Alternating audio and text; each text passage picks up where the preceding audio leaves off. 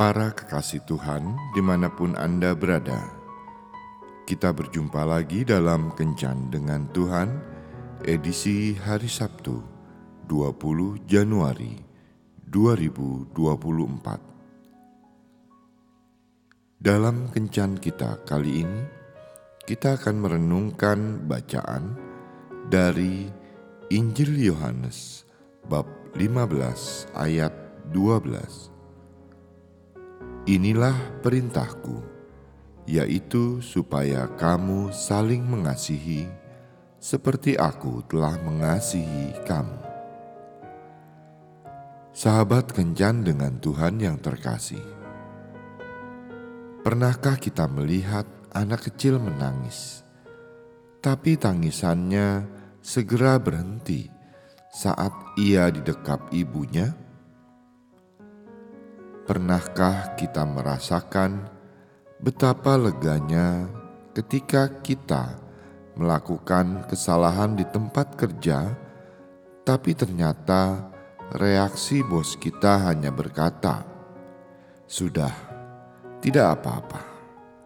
Lain kali lebih hati-hati."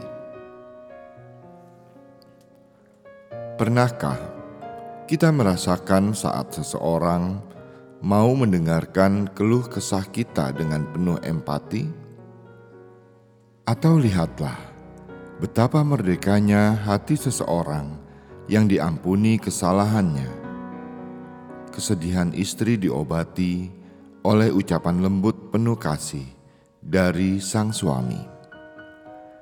Rasa lelah dan stres suami mendadak hilang karena sambutan hangat istri begitu ia tiba di rumah, dan sebagainya. Banyak pengikut Yesus yang bingung bagaimana cara mengalirkan kuasa Allah. Sebagian lagi berpikir bahwa orang yang dapat mengalirkan kuasa Allah itu hanyalah orang yang punya karunia tertentu, memenuhi standar rohani tertentu, telah mengikuti pelatihan tertentu, terlibat pelayanan tertentu, atau memiliki jabatan rohani tertentu. Padahal, sesungguhnya mengalirkan kuasa Allah bisa dimulai dengan satu langkah sederhana, yaitu mengasihi.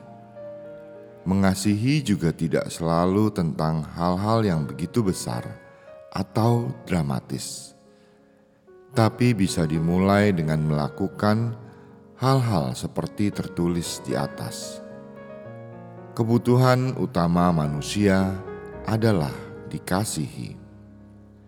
Dikasihi berarti diterima dan dihargai apa adanya sebagai manusia yang butuh disayangi, didengarkan, diperlakukan baik, dan dihargai. Bukankah itu juga yang kita inginkan?